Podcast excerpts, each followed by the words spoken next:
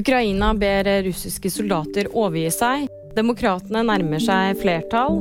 Og Sivilforsvaret er på plass i Voss.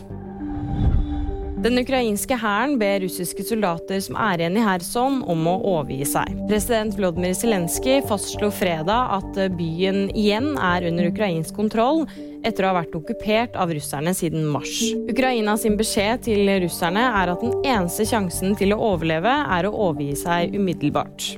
Russland på sin side forteller lite om tilbaketrekningen, annet enn at den var planlagt. Demokratene nærmer seg flertall i Senatet. Mark Kelly er gjenvalgt fra Arizona, og Catherine Cortez Masto i Nevada tar kraftig innpå sin republikanske rival. Etter Kellys seier i Arizona så har demokratene og republikanerne sikret seg 49 mandater hver. Vinner demokratene også Nevada, så beholder de kontrollen over Senatet. Det dårlige været som herjer på Vestlandet, har truffet Voss hardest. Vannet har flommet over og tatt seg inn i hus og kjellere.